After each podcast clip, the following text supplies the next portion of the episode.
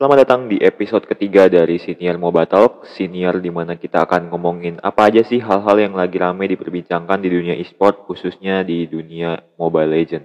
Nah, uh, kita awali di, di podcast ini dengan beberapa berita. Ya, salah satunya adalah dari uh, brand ambassador dari EVOS Esport yaitu Angel yang kemarin sempat gua infoin bahwa ada uh, berita tentang rumor farewellnya EVOS Angel yang kemarin sudah diklarifikasi langsung oleh Evos Angel di mana dia langsung bikin postingan. Lucunya uh, postingan itu diupdate setelah 30 menit gua upload podcast uh, di episode kedua kemarin yang sempat gue singgung tentang farewellnya Angel.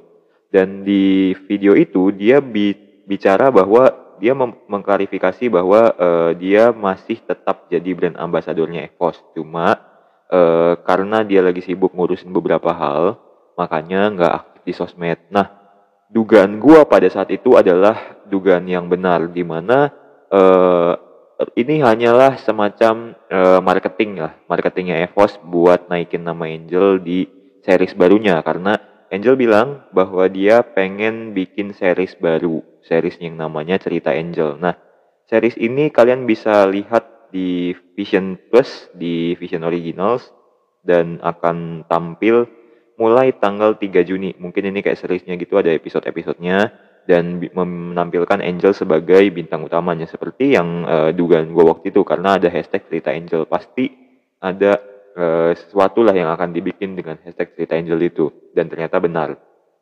Dilansir dari Vision Plus ID, Vision Plus Original Series Angel akan segera tayang pada tanggal 3 Juni 2022 di Vision Plus mengangkat kisah perjalanan Angel, seorang anak perempuan energik dan sedikit tomboy yang memutuskan bekerja sebagai SPG hingga keberhasilannya menjadi brand ambassador EVOS Esport.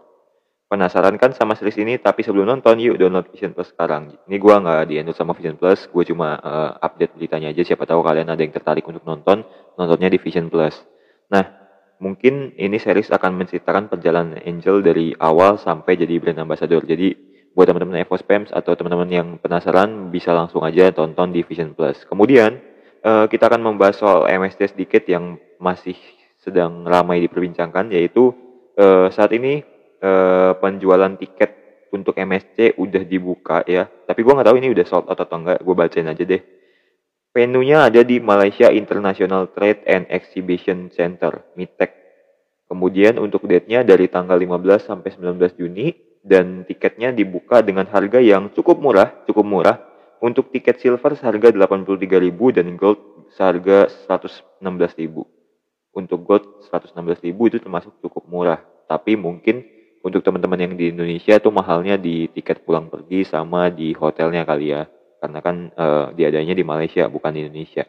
Nah, kemudian untuk uh, match schedule udah dibuka juga, udah dibuka daftarnya di sini uh, untuk hari Sabtu tanggal 11 Juni nanti itu akan diawali oleh Todak dari Malaysia melawan Falcon Esport dan itu dimulai dari jam 11. Kemudian dilanjutkan dengan uh, match dari RSGPH melawan Siusun di jam 12.30 WIB. Kemudian ada Falcon Esport melawan Onyx Esport dari Indonesia itu di jam 14 di jam 2 kita.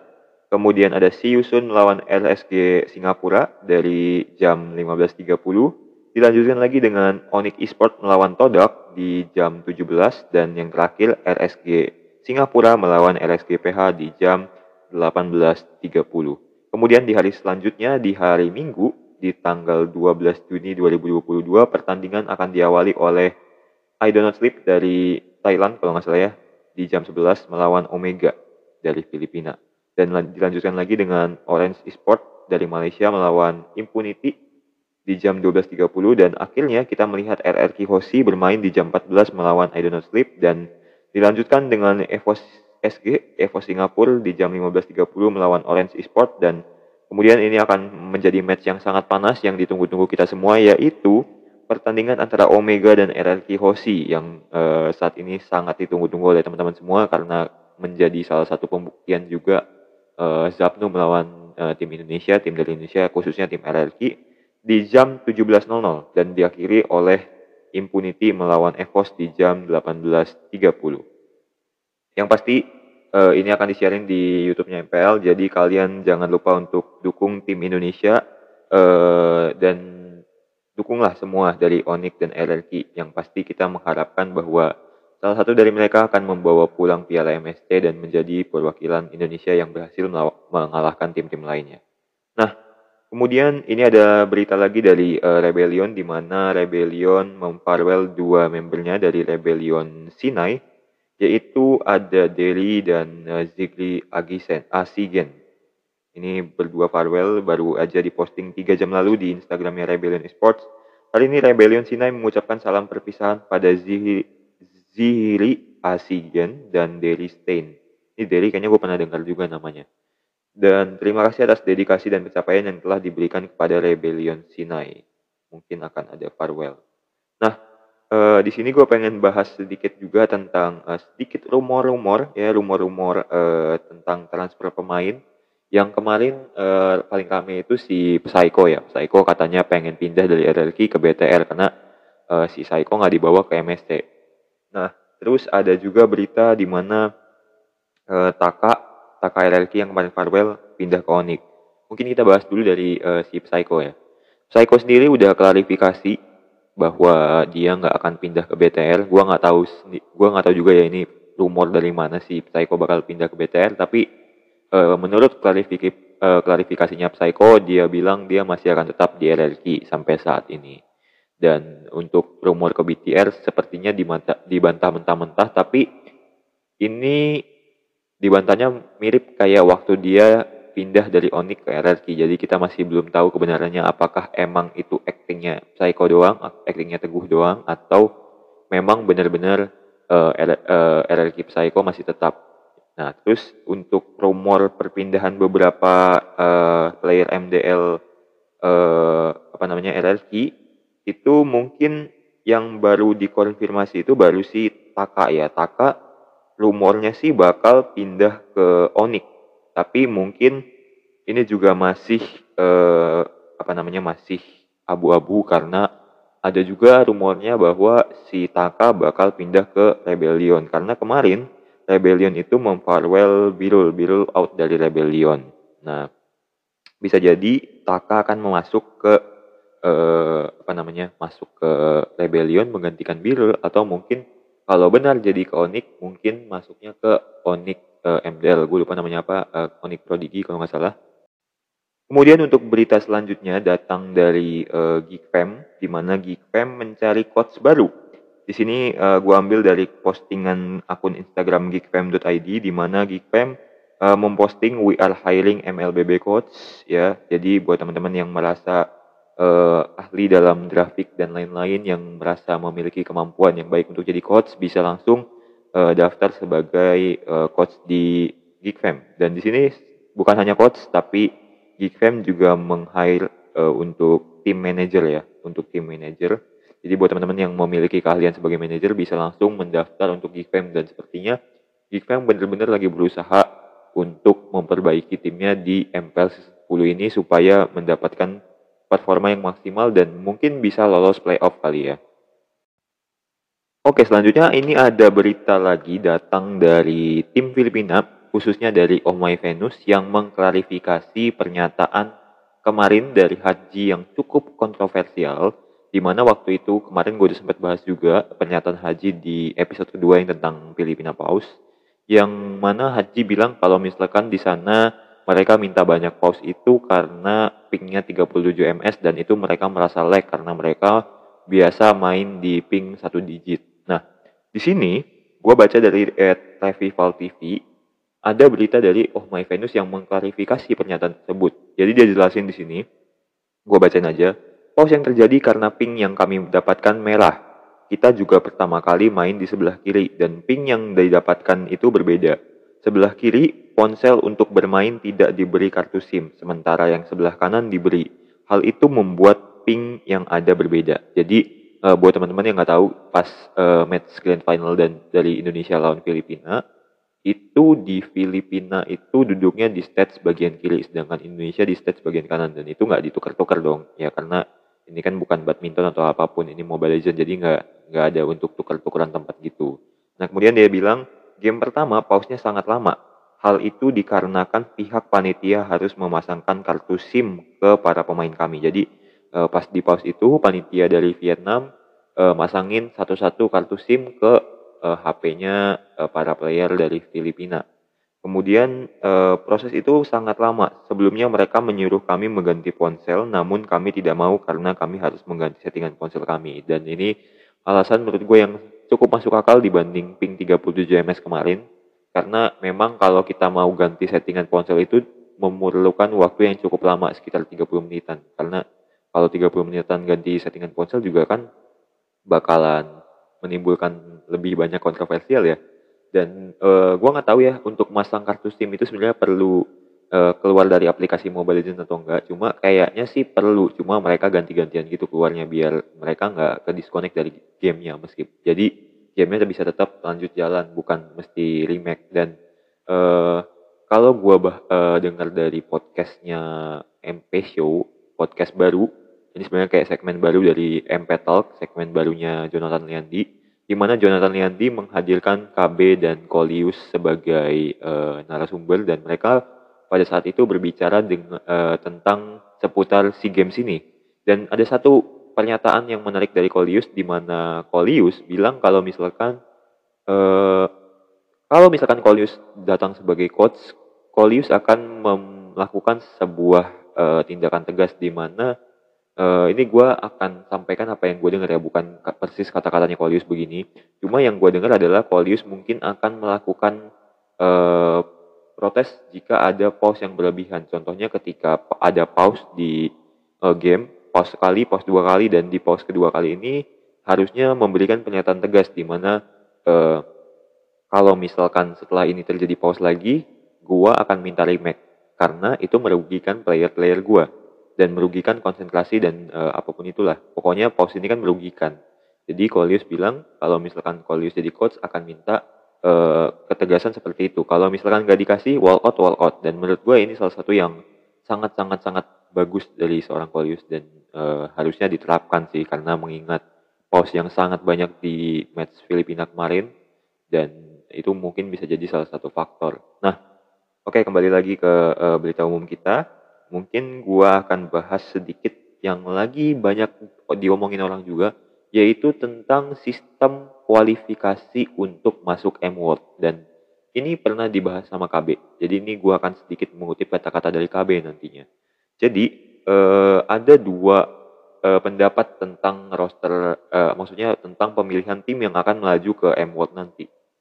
Jadi eh, ini pertama kali gue dengar dari Bejon, dari Zeiss, di mana Zeiss mengusulkan di mana adanya sistem poin. Jadi uh, untuk selama ini ya, untuk dari M1, M2, M3 itu kan pemilihan tim yang akan melaju, melaju ke M4 atau eh bukan M4 maksudnya pemilihan tim yang akan mewakili negaranya ke M World itu adalah berdasarkan uh, juara-juara dari MPL-nya. Misalkan uh, di MPL kita bahas Indonesia aja deh Kemarin di season 8 itu yang juara adalah Onyx Esports sedangkan runner up-nya adalah LLP. Maka mereka berdua otomatis dapat slot ke M4. Jadi uh, kalau bisa kita bilang yang juara dari um, apa namanya? Yang juara dari uh, season genap itu akan dapat slot uh, M4 kayak contohnya season 8 kemarin akan dapat slot M4 karena M4 itu kan setahun sekali dan uh, eh, MPL itu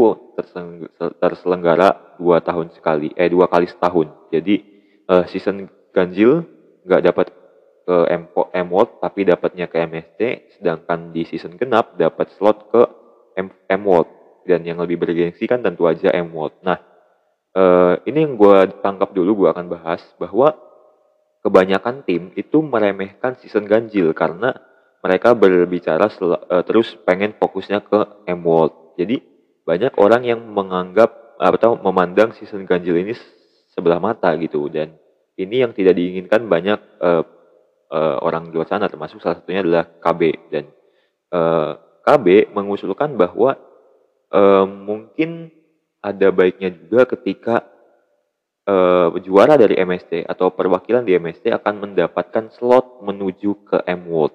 Nah, uh, mungkin kalau kita bilang akan dapat slot ke M-World, ini salah satu yang cukup masuk akal tapi mungkin sedikit bisa direalisasikan. Jadi uh, waktu itu KB bikin video di mana uh, intinya adalah KB pengen kalau misalkan juara MSC bisa dapat slot langsung ke M-World. Nah, um, mungkin gua akan bahas dulu dari beberapa sistem yang ada. Gua akan bahas dari sistemnya uh, Bejon dan ini ada pernyataan juga dari Koet, gue baca dari Revival, di mana Koet bilang kalau menurut gua sih dibikin poin sistem aja.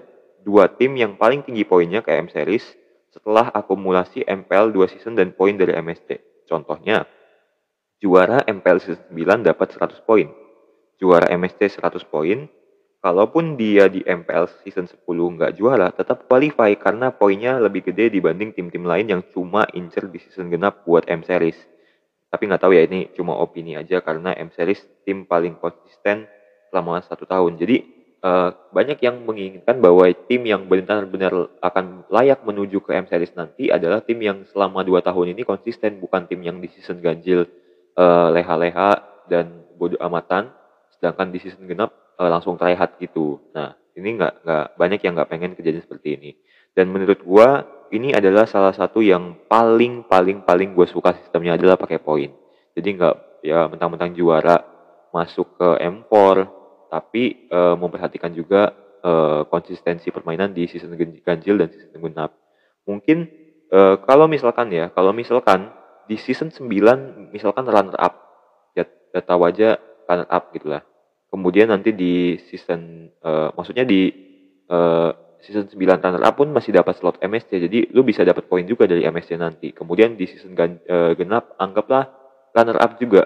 Kalau misalkan poinnya cukup gede bisa aja meskipun nggak juara di dua season tapi dapat runner up doang bisa aja dapat uh, slot di M4 juga. Karena kan slotnya dua tuh. Nah menurut gue ini adalah salah satu uh, sistem yang sangat-sangat bagus dan kalau di, bisa direalisasikan mungkin akan bisa membantu konsistensi dari berbagai tim di seluruh dunia kali ya nggak cuma di Indonesia. Nggak kita nggak ngomongin Indonesia juga.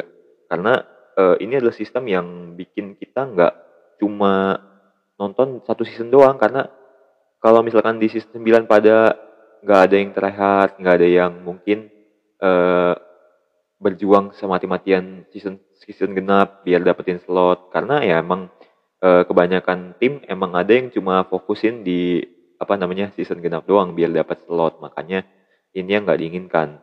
Nah e, ngomongin soal ini ini ada pernyataan dari Luminer juga bahwa e, ini gue bacain aja gue season depan akan main di MPL season depan gue akan masuk roster. Masa iya mau rehat jadi streamer lagi? Ini kata Luminer. Jadi uh, Luminaire yang sempat rehat di season 7 kalau nggak salah ya. Season 7 apa season 8 eh season 7 eh season 8 season 8 season 8 uh, kemudian di season 9 kembali lagi di roster EVOS kayak mungkin nemenin tag kali ya biar ada duo M1 nah terus uh, Luminaire bilang kalau misalkan di season 10 nanti Luminaire akan kembali bermain. Tapi ini kan baru pernyataan Luminaire mungkin diambil dari Steam uh, atau mungkin diambil dari live.